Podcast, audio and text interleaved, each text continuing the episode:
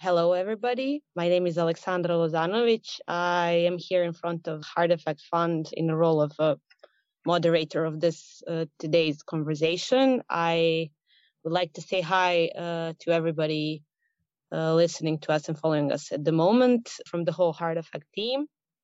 And welcome to the Forum Europe uh, online event we are doing for, I think, two years now in a row the topic of uh, today's conversation, uh, as you know, is the Open Balkan Initiative. Uh, let's say, what does the Open Balkan Initiative bring to the countries in the region?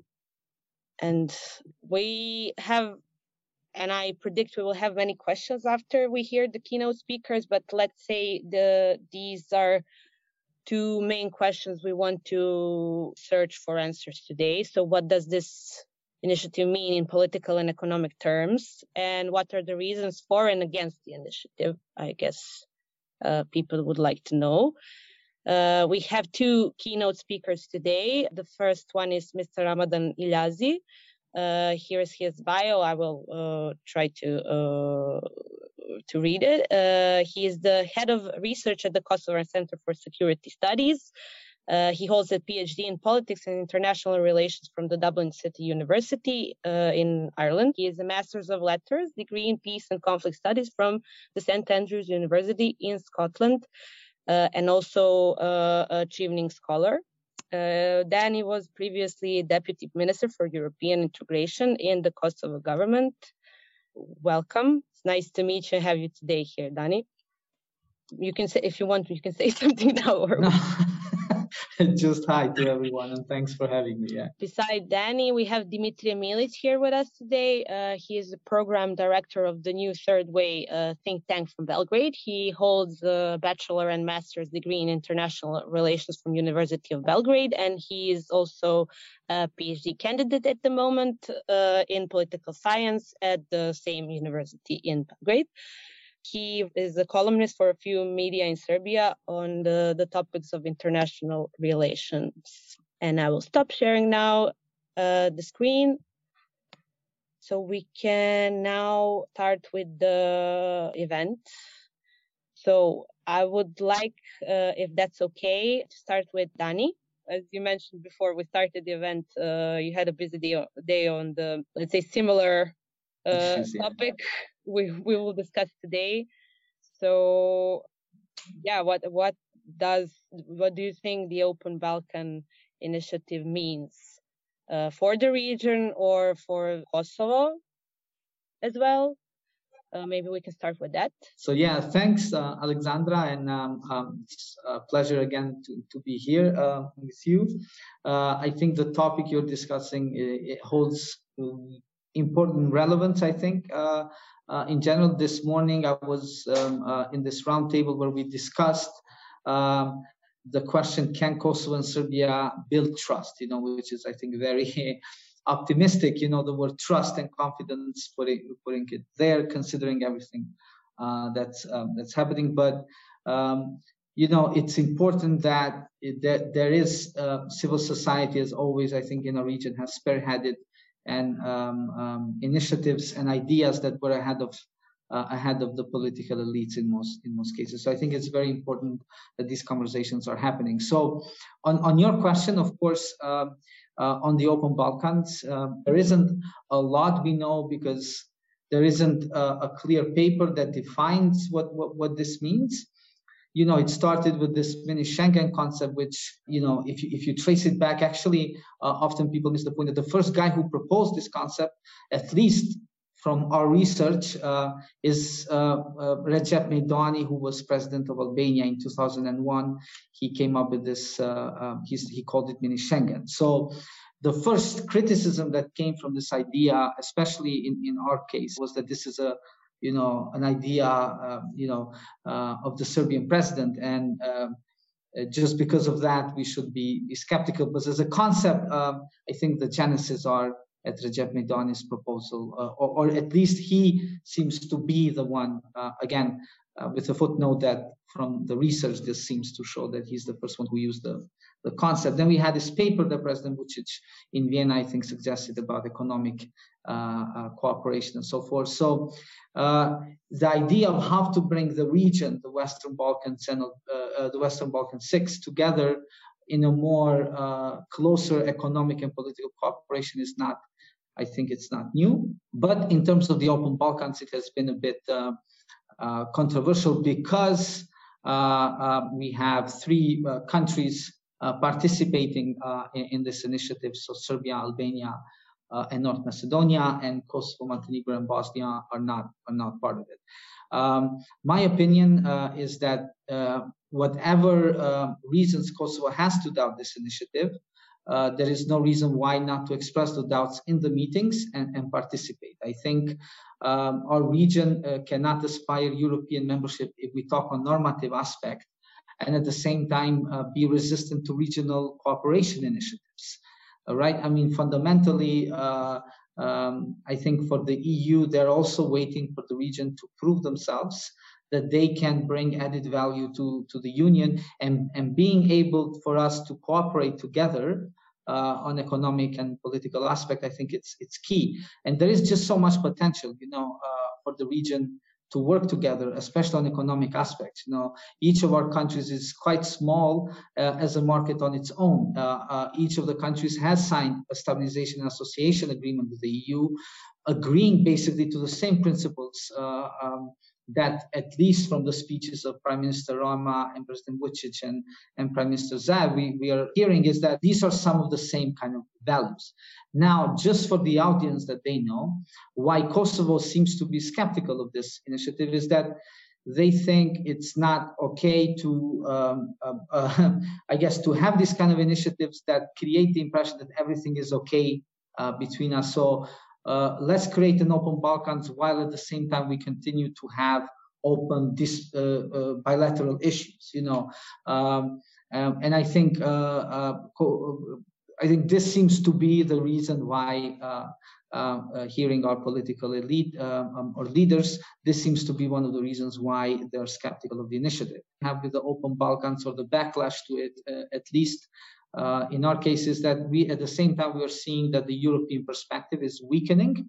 It has become clear to all the countries in the region that membership in the EU is is out of the question at least for some some time now.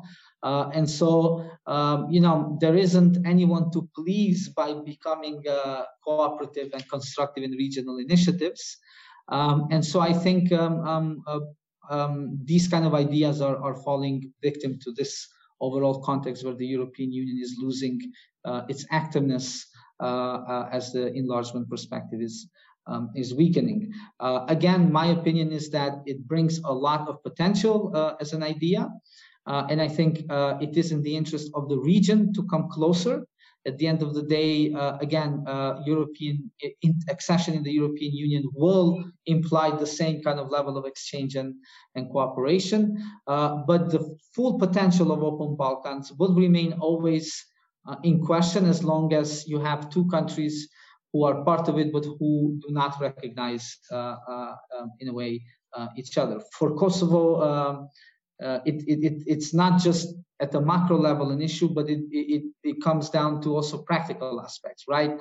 The documents that, for example, companies are issuing, uh, you know, are they being recognized? So all of this greater cooperation at economic level is hindered by a lack of uh, a comprehensive agreement, which is, I think, what what the EU uh, is expecting. And then with the lack of, you know, such an agreement, uh, in near future with the weakening of the enlargement perspective we also see the rising tensions in our country. So uh, as we saw with recent developments so uh, I, I, think the uh, uh, open balkans can bring a lot to the table uh, but it seems that it's a victim of these kind of issues that European Union has is unable it's has diminished credibility I think um, uh, because of the enlargement perspective being weakened. And again, you have countries with serious problems with, with each other uh, who seem to be utilizing these kind of initiatives to uh, further um, part from each other rather than come, come together. Just for the start, my, my thoughts. Yeah. Thank you, Dani. Uh, yeah, I uh, I will use this moment uh, just to ha- uh, for the audience that is listening to us, just to have some like a uh, to give uh, info about why are we even talking about this today. So uh, as you mentioned uh, in a certain way already, uh, there was a meeting that happened with the Prime Minister of Albania, Edi Rama, the Prime Minister of North Macedonia, Zoran Zaev, and the President of Serbia, Aleksandar uh, in October of 2019 in Novi Sad, which resulted in signing of the agreement, uh, which was the Mini Schengen Initiative. Uh, then two years later, this year, it became the Open Balkan Initiative uh, but with the basically the same members uh, who started it. Uh, as Dani mentioned, Kosovo is not the part of the of the initiative, as well as uh, Montenegro and Bosnia. If uh, I'm not uh, making a mistake now, I'm not. Dani is is approving what I'm saying. Thank you. so yeah, North Macedonia, Albania, and Serbia are still the only members. Um, and uh, that's why we uh, are talking about it today. So I'm gonna uh, now go to Dimitria. Uh, please tell us uh, from your perspective what are your thoughts about the the Open Balkan Initiative?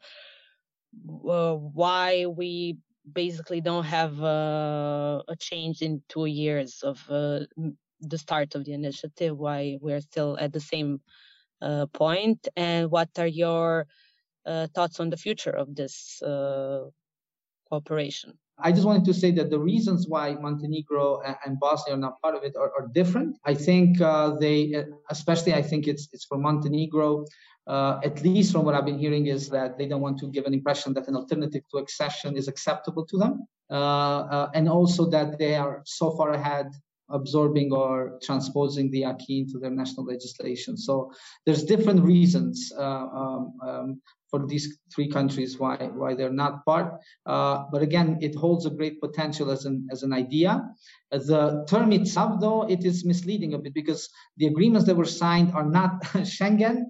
Uh, but I think uh, they use Schengen to create a positive um, atmosphere around the idea yeah, Dimitri is back, so I'll stop. Sorry, I, I, lost my internet connection. I don't know why and how. Uh, I think we're all used to it uh, now on Zoom since it's the second year of living on Zoom. Thank you, thank you for your patience. Uh, I wrote I, I wrote about uh, this issue with the team of the former Deputy Prime Minister of the United Kingdom, Sir David Lloyd Linton, and you will have an opportunity to see a document on Western Balkans by his think tank. Uh, and the major focus of that analysis was economic uh, point of view, because as you mentioned, Alexandra, in your presentation, uh, you mentioned the economic and the political consequences of the this type of initiative. And it's all, and it's true, never the initiatives in the regions are a central theme, a central topic uh, in the region. We always have these political consequences and also uh, the short-sighted political opportunism that is a big obstacle for substantial cooperation between the countries in this region. Uh, but when we analyze the uh, economy and the effects of the Open Balkans Initiative, there is definitely uh, need for our region to have some form of economic convergence with the West and with the EU member states, EU member countries, because right now when you look uh, the estimate of the EBRD uh, about our region, you can see that uh, the GDP per capita, the gross domestic product per capita of our region is the 50% of the central uh, EU member countries. I think what Dimitri was picking up, it's very important that, again, what I was saying as well, the potential is so, so uh, so big for, for, for the countries of the region to cooperate. But again, I think at the political level, uh, when he was also talking about the populism, the um, other issues, are preventing uh, perhaps very good, well meaning ideas for regional cooperation to be viewed in a very uh, political uh, charged uh, discourse, you know. Um, and, and, that's why I think it's so important that hopefully uh, we have as soon as possible a solution uh, between uh, uh, Kosovo and Serbia, because that will remove a lot of like um, um, pra- practical problems um, for this for this initiatives. My idea was that, for example, Kosovo should have participated in those meetings. You know, I don't think being absent from the meetings does any good. I personally think um, it's a it's a good initiative, uh, uh, and if you have uh, concerns, you should raise it on the table. But I just wanted to share the debate from Kosovo's perspective, why it is seen skeptical, and the reason is that it's it's helping create this impression that somehow we can move forward uh, without really solving the problems that are keeping us uh, anchored into the past. Uh, you know, uh, and those problems are very, very open, right? Um, um, the dispute uh, between Kosovo and Serbia is the main one. Um, you know, we, we have seen rising tensions in Bosnia as well. Uh, uh but uh, on Kosovo and Serbia, uh, those are different kind of problems. For us, in a more more consequences for, for us, obviously, for Kosovo, it is stagnation or the status quo or the lack of solving this issue with Serbia. I think it costs Kosovo more. Uh, because obviously we we uh, this is preventing us from also uh, having completed the circle of recognition in from the EU member states, which without that Kosovo would always remain a potential candidate. Uh, for accession, right? Um, uh, but a lot of this again is tied to to EU because a lot of what we did in the region from 2000 and onwards, when we started, let's say, as a whole, as a regional democratization uh, process. Um, um, again, don't take me for my word. I'm just thinking as a starting point of, of, of a context, not uh, an argument. Um, uh, you know, citizens of Kosovo today remain the only ones in the region without the ability to travel freely into the into the EU. Right? Um, um, we got the roadmap for visa liberalization in 2012. Uh, in 2010, uh, citizens of Serbia had uh, started to travel freely. I think 2011 it was Albania uh, and Bosnia, but we still remain. So it's 2021. We are going to 2022, uh, and so over over 10 years since everyone else in the region got this right, basic right to, to travel freely. So uh, a lot of, you know, atmosphere in Kosovo uh, uh, nowadays um, um, is, is very, um, um, um you know, charged with, with this kind of uh, uh, asymmetric relations also with the, um, with the EU. and, you know, uh, for many Kosovars, this visa liberalization is a result of um, and I'm going to say it open because uh, you know I'm no longer having that kind of uh, official, but but you know it it kind of really boils down to doses of racism, right? Uh, I mean, you can use corruption all day, uh, um, uh, and, um, uh, but you know. Visa liberalization is one mechanism through which you can push the fight against corruption up to a certain point. There are many other mechanisms through which you can really push forward, um, you know, um, other meaningful changes. Uh, in this context, it is difficult to push forward any idea uh, because, again, uh, and I don't think the situation is in Kosovo. I mean, Serbia and Montenegro were promised a date by the European Commission.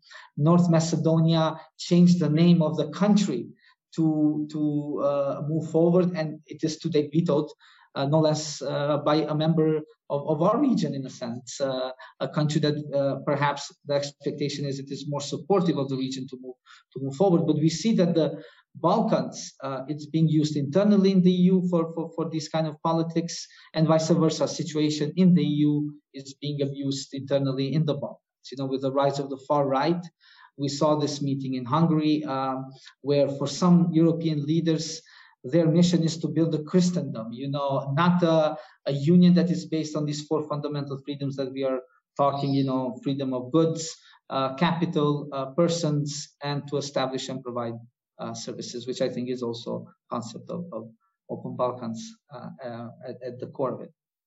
Uh, thank you, Dani, again. Uh, Hopefully, think... Dimitri is not going to freeze again because I am out of arguments.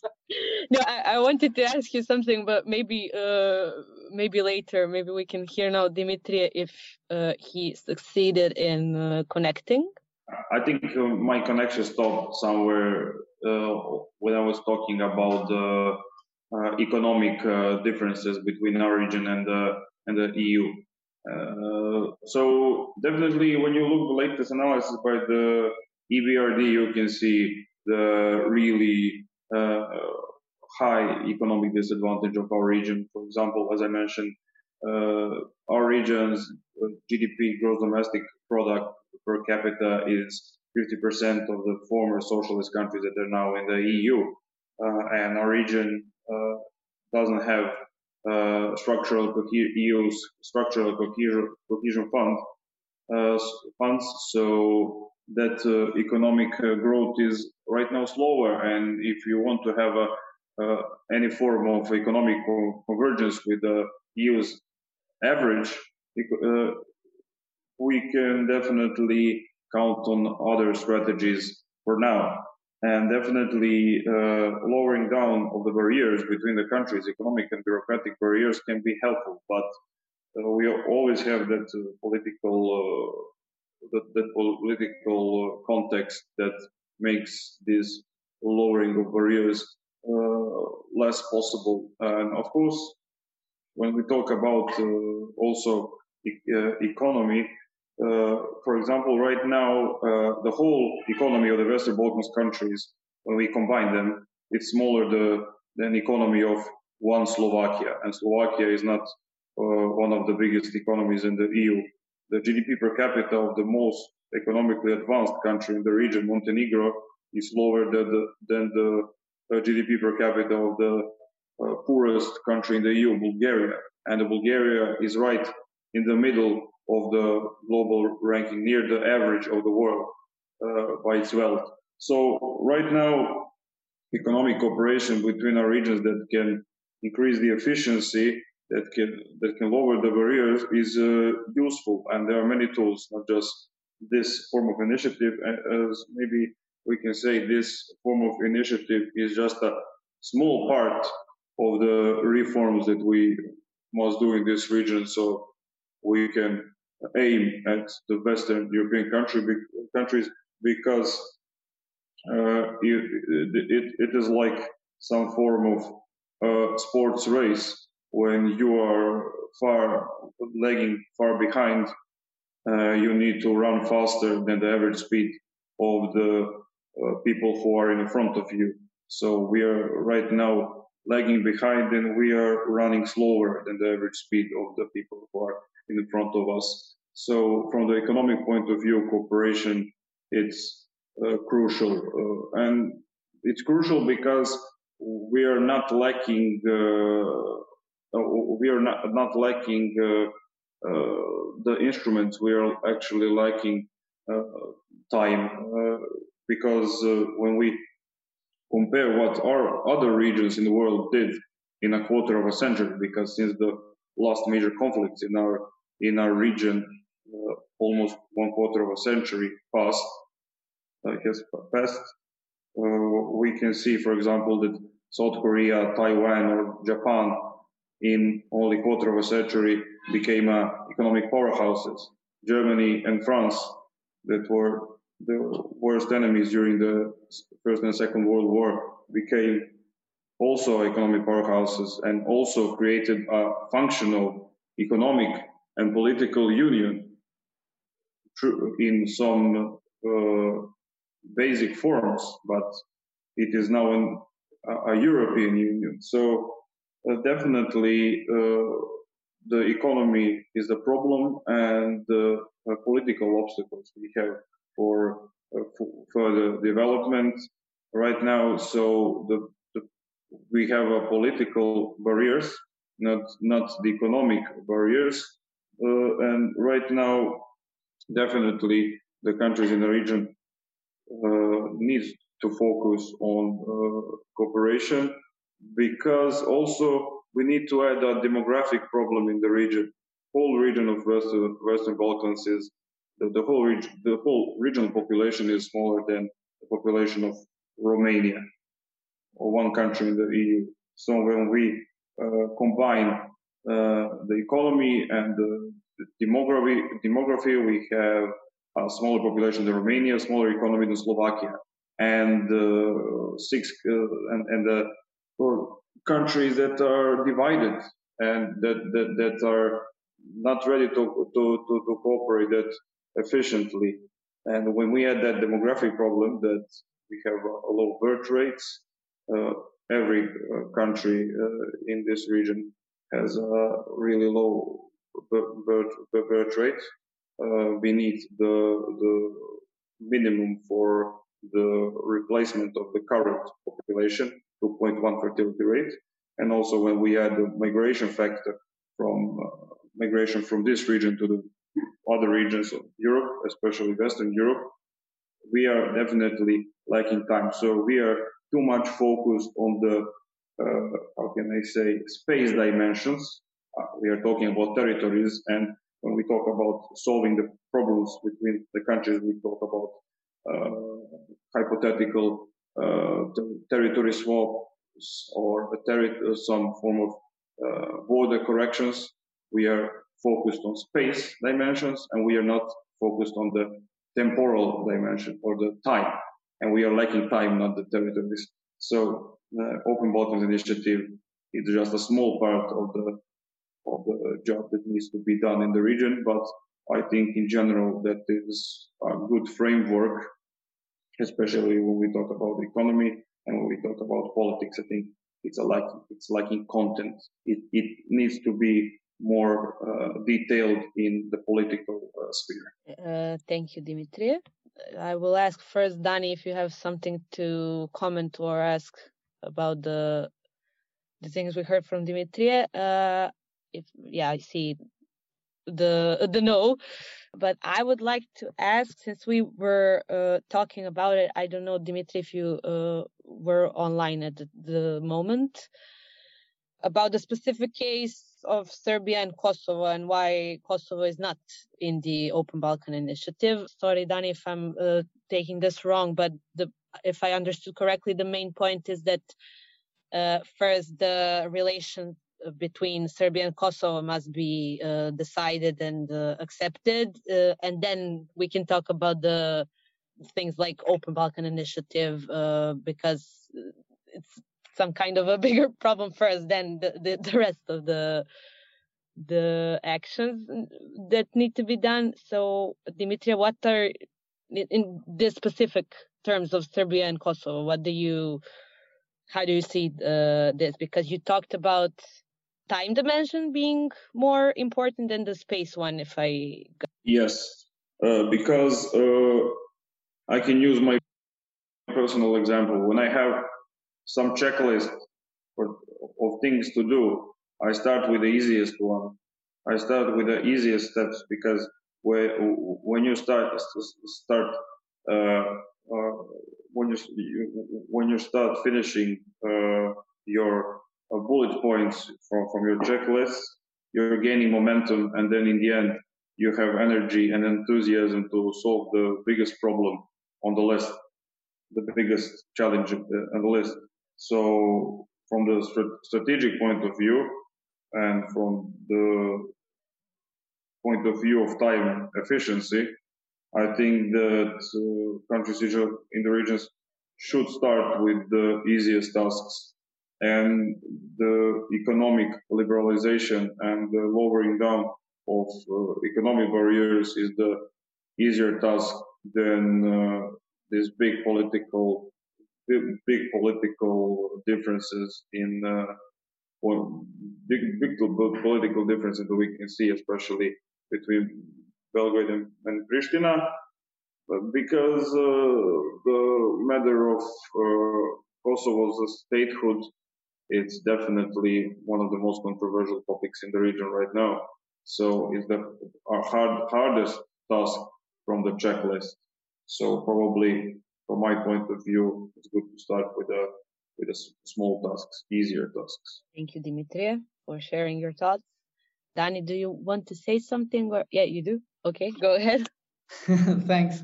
Yeah, um, thanks, uh, um, Alexander. Uh, I don't think it's a matter of, of first and, uh, you know, uh, this approach of so-called low-hanging fruits, I think is what the European Union has been trying to do since 2011, right? Let's pick up issues where Kosovo and Serbia can agree so that the life of citizens can improve. And, and we have made significant progress, right? For um, 10 years now, uh, the dialogue for normalization relations started in 2011 after the uh, uh, opinion of the ICJ. So uh, the thing is that this process is kind of wearing itself out because even the smallest things are now coming down to the big issue, the elephant in the room. Because also for this economic liberalization, we have the, for example, a very concrete issue, the phytosanitary certificates. So if a business from Kosovo wants to uh, go uh, through through Serbia to send uh, materials somewhere else. You know those documents they are providing at the checkpoints.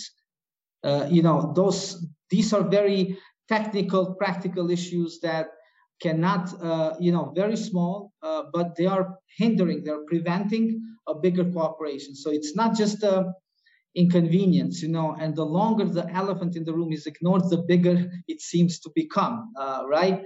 And so uh, I agree uh, um, um, um uh, with this that the region has to focus on, on these issues of common interest and it has to work together and i think open balkans is a good uh, a good idea. But i wanted to say it wasn't an issue first but more that why in kosovo they're discussing they shouldn't is because by uh, like yesterday we just had a very you know case of the boxing championship being uh, being organized and, and people are being to go. So there are uh, the uh, issue uh, of, of, of, these kind of political aspects are preventing even the most basic um, levels. They, they, they come to um, to become a pebble in the shoes. They become an obstacle. So um, we can kick the can down the road, as they say. Like we can ignore this issue for as long as we can, but at certain point, without solving this big issue, of, of status of Kosovo for Serbia because Kosovo is not controversial for four of the six countries of Western Balkans, right? It's Bosnia and Serbia who don't recognize. But the, the, this issue has become like, you know, it's crazy with Bosnia, Bosnia and Kosovo apply visa regime against each other. You know, it's very, you know, so when you're thinking about organizing events uh, uh, in the region, you're also taking this into consideration. So uh, Balkan Open Balkans is an important initiative, and Kosovo should participate. Uh, I just wanted to add why some people thought that uh, uh, to, to, to bring their perspective on board that by doing so, Kosovo was maybe sending the signal that everything is okay, when in fact, you know, uh, there are still real, real issues at, at the hand. And you know, sooner or later, we have to to resolve this issue. We cannot continue uh, at the same pace of seeking European membership, although right now we talked about that being unrealistic, and at the same time, uh, kind of pushing these kind of big issues on the side uh, for for for other people to to solve. Yeah. Thank you, Dani. Dimitri, do you want to uh, comment or say something uh, following uh, Dani's argumentation? Yes, yes. I uh, absolutely understand that point of view, and definitely it, it is the the biggest issue on the list, and it's definitely the the, the, the biggest challenge in the region. But uh, it's easier to say than to to have expectations from the political elites in the region to solve that uh, issue that easily, especially when we uh, see that uh, you're right now uh, EU membership is a, a, a little bit hard to expect uh, to happen in the in, in, in some uh, in, in, in some time frame for like 10 years maybe maybe maybe more. It's uh, really hard to to to sell uh, any more radical solutions to, to the voters right now from the political elites so definitely until the political elites are ready, and right now it seems that they are, they are not ready for more bold solution for this issue. Uh, my position is that it's good to solve all the other technical problems in the process uh, that are now right now standing in the way of faster economic convergence that can decrease the relative underdevelopment of our regions when we compare our, region to the other EU countries. So that is my position. Maybe I'm not right, but that is my point of view. Uh, thank you, uh, Dimitri, for sharing uh, this and your position and opinion. Since we have a bit more time, what I uh, wanted to ask both of you, because it was uh, mentioned a few times today, what do you think about the the future of European Union? Because we mentioned the the now the trend of destabilization. So uh, yes, we I think we you both agree that getting into the EU is going to be a very long process. So what do you think? Uh, how is it going to look like? I remember we were in, in uh, Berlin, I think, with, with, with Aspen Institute there with colleagues from, from, from Serbia and the region. We were talking about you know these issues in in, in uh, our part of the world. And you know uh, at that time brexit the vote for brexit hadn't happened yet. You know there was talk. And no one even imagined that uh, uh that it would be positive right? Um, you know it wasn't like the conversation was yeah it will be like close but people at the end will make the right right call um, and i think what brexit is showing is that you know predictability in Europe has has really uh, diminished. It's no longer you cannot really predict, uh, and this is a problem because we have uh, at the stake uh, a huge uh, project of peace building project. Right uh, next year in France we have the presidential elections, and at the again at the stake is not just social, social or right-leaning policies versus left-leaning policies. But at the stake is the future of, of, of EU at the ballot. You know, uh, so what if we think unthinkable and Le Pen wins, let's say, in France? So, uh, you know, we already are seeing a backsliding, normative backsliding in, in Poland and, and, and Hungary, you know, with, um, um, um, with, with the kind of system of values that the EU is trying to install in other parts. So I think the question you're posing, it's easier, as Dimitri was saying earlier about the issue between easier said than uh, done in a sense of uh, answering. But you know, uh, as a region, this is what another argument for why Open Balkans is important, or initiatives for regional cooperation are important, and hopefully us as a region can come resolve our disputes faster than because the timing is not in, at, at, our uh, at our in a way at our favor, uh, right? Uh, you know, as the world is becoming less predictable at, at the macro international in international society, uh, you know, we are behaving in our region as if still it's the 90s, you know, where the whole attention of the world is on us. Uh, and I think everything has has changed a lot. Uh, uh, not maybe but a lot has changed. Significant um, um, actors have changed. That there isn't anymore this liberal kind of awakening uh, where you know uh, there is commitment really to promote actors that are ascribing to certain normative framework that uh, um, uh, you know does what aspiring to achieve what Galtung called the positive peace, right? So to me, um, um, it is less predictable, and the less predictable the EU becomes, the more I think tensions we will see in, in, in our region, unfortunately. Um, and again, uh, I remain convic- convinced that uh, while our region might play with different actors and, and you know, uh, programs or, or, or, offers for cooperation, at the end of the day, uh, everywhere in the region, if you look at the polls, I mean, somewhere lower and uh, elsewhere higher, I don't think there is a doubt about where we want to be as a region, which is the Western camp and in the European uh, um, Union. But again, this process has to be about values, about norms. You know, it cannot be uh, uh, our goal to enter the EU just so that we get some kind of a verified in our name of the country that we are Western now. Because I think fundamentally that is a major driving uh, motivation or factor, it seems, for, for many. You know, they want to be part of you because, like that, they get this verified you are part of Western uh, civilization. Uh, and I think as a country, as a societies, we still have fundamental problems. You know, we uh, we have diverse cultures, every one of us in, in the region. And I don't think the situation is in the North living really in a difficult context. They are being pressured by many sides, you know, uh, and they are not being heard a lot. Their voices is being mainly uh, spoken through through through the political leaders. You have communities like like Roma and other communities who, who are not, you know, are not even part of our kind of like radar of the problems we we are having. And then you have uh, other segments of the issues with the organized crime. And the EU has been instrumental or vital actually in, in us focusing on resolving these issues. And I don't think the EU will lose its relevance in this aspect, but it will lose its uh, impact, its power in a sense of actually imposing certain solutions. You know, I remember when the country report, or what it used to be called progress report, was published by the European Commission.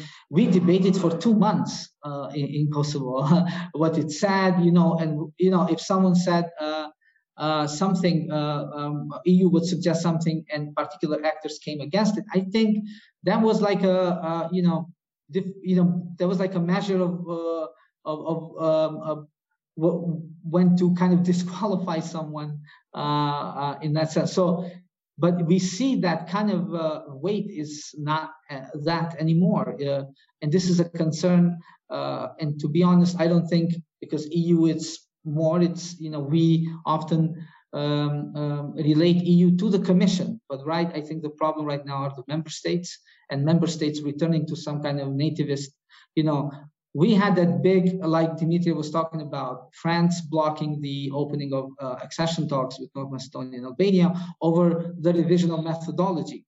No one is talking about the new methodology now. You go to Brussels or anywhere, like you, you know, it is, uh, it is, um, um, you know, um, lost opportunities, uh, um, and the region is volatile always. So I hope the member states can uh, really um, come together. You know, one of the lessons they learned from our re- from our region in the 90s was that, by not being coherent, by not being cohesive in foreign policy, they uh, could have stopped uh, a war. And so, the, you know, that's when the whole conversation started about the common foreign and security policy.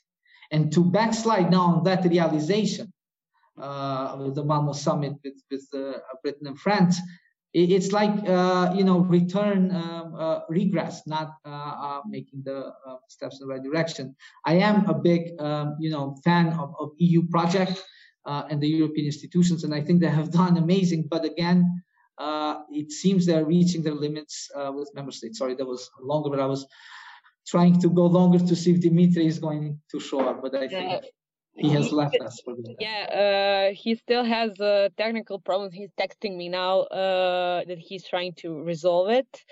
But since it's i think time for us to ask or actually me to ask the audience if uh, you have any questions for dani for now. Hopefully dimitria will come back. Feel free to yeah Ivan Juric has a question. I see a hand. Or you can also um, you can also send your questions into chat and then I will uh, read it to our speakers. So uh, for now let's hear Ivan. Hi thanks. Well my question or comment would be related to the elephant in the room that was not mentioned and that is regional economic area and this common regional market, which was signed by all Western Balkan six uh, governments. And uh, the declaration that was signed a year ago with this action plan for three years or four years, I'm not sure, uh, was supposed to basically establish all the all the goals of the Open Balkans mini Schengen initiatives, but with partnership and investment and some control of the European Union. What I here and it is a these documents that were uh, that were signed and uh, developed afterwards as some kind of follow-up. They are transparent. They are very detailed. The the the, the goals are realistic and they are on paper, uh, which is completely different than the the Open Balkan initiative where we have only statements of the of the prime ministers and we are not sure what are the what are the what are the objectives, what are going to be some tangible tangible results for us as citizens or as businesses. And uh, I also hear uh, this uh, note with the, with the, especially prime ministers of Serbia and Albania, that we are doing this in spite of the EU, not to do something together to help us get closer to the EU, but basically contrary to the EU, we are doing this separately. We don't need anyone from abroad, blah, blah, blah. This populist isolationist politics. This is something I, I think it's, it's really important that this, and it's one of the arguments of Montenegro and Kosovo, basically denying the, the common regional market and regional economic area initiatives. Dani, do you have a comment? Yeah, the problem with Open Balkans that we have, you know, great idea. It seems like and the name Open Balkans, but it's not defined. It, it's unclear where, where you know um, uh, what it is about. You know, uh, and I think this is linked with what Omar uh, Amar is asking. Sorry uh, about what are the uh, you know the similarities or differences between uh, Open Balkan and Berlin process. Berlin process has been the main, I think, driver of economic of regional cooperation um, and, and, I think also Chancellor Merkel made it clear that they also support Open Balkan as long as it is part of the Berlin process. Um, and being part of the Berlin process, the key condition is that all six are taking part part in it. Um, you know, uh, uh, and I think uh, the the key that Ivan was mentioning, I think this is key. The the members who have initiated this. And there is a, a process about how you go with regional uh, initiatives, right? You don't just announce them. I think there is also important to bring everyone on board to consult uh, governments and see what they also think about this. And very important to tie everything to uh, to, to, this one framework, uh, because um, uh, although Berlin process was initiated after the infamous speech by by then President of uh, European Commission Juncker that there won't be an ex- ex, uh, uh, enlargement in during his uh, commission. Um, you know, this sent and everyone knew in the region that no country was ready to to be part even but him uh, coming out publicly saying that really had a big backlash back in the region so i think the Berlin process was started to keep that uh, focus on reforms on what is more important that also Dimitri mentioned, which is regional cooperation. Um, I heard that you know RCC, for example, was trying to negotiate four agreements between countries. One of them, the ability for everyone to travel with the ID cards in the region, which is very important. I mean, uh, in Kosovo, we have a Bosnian community uh, as well, you know, and it's really it has become a, a major problem uh, um, um, in that aspect. So um, again, um, what is preventing, I think, people of goodwill on economic sector, and there is huge potential for economic cooperation. What is everything is this kind of political uh, lack of, of, of, solutions at the political level, the, the, this elephant. You know, I think the, the faster we move past these kind of disputes at the macro political level, that political elite seems to be wanting to maintain that kind of problems because it seems they draw some sort of uh, power from that kind of keeping these kind of differences or disputes present. I think we will see uh, more momentum for, for regional cooperation in our uh, in our region. Yeah. Thank you, Dani, uh, and thank you, Ivan, for sharing your thoughts with us. Yeah, and uh, you saw Dani the question from the from the chat, so I guess we have a sort of answer for it. I'm gonna ask now one more time uh, does anybody want to say something else something in this let's say first formal part of the event? Dimitri is still not back but never mind. If there is no more question for now i say again thank you uh, for this uh, first hour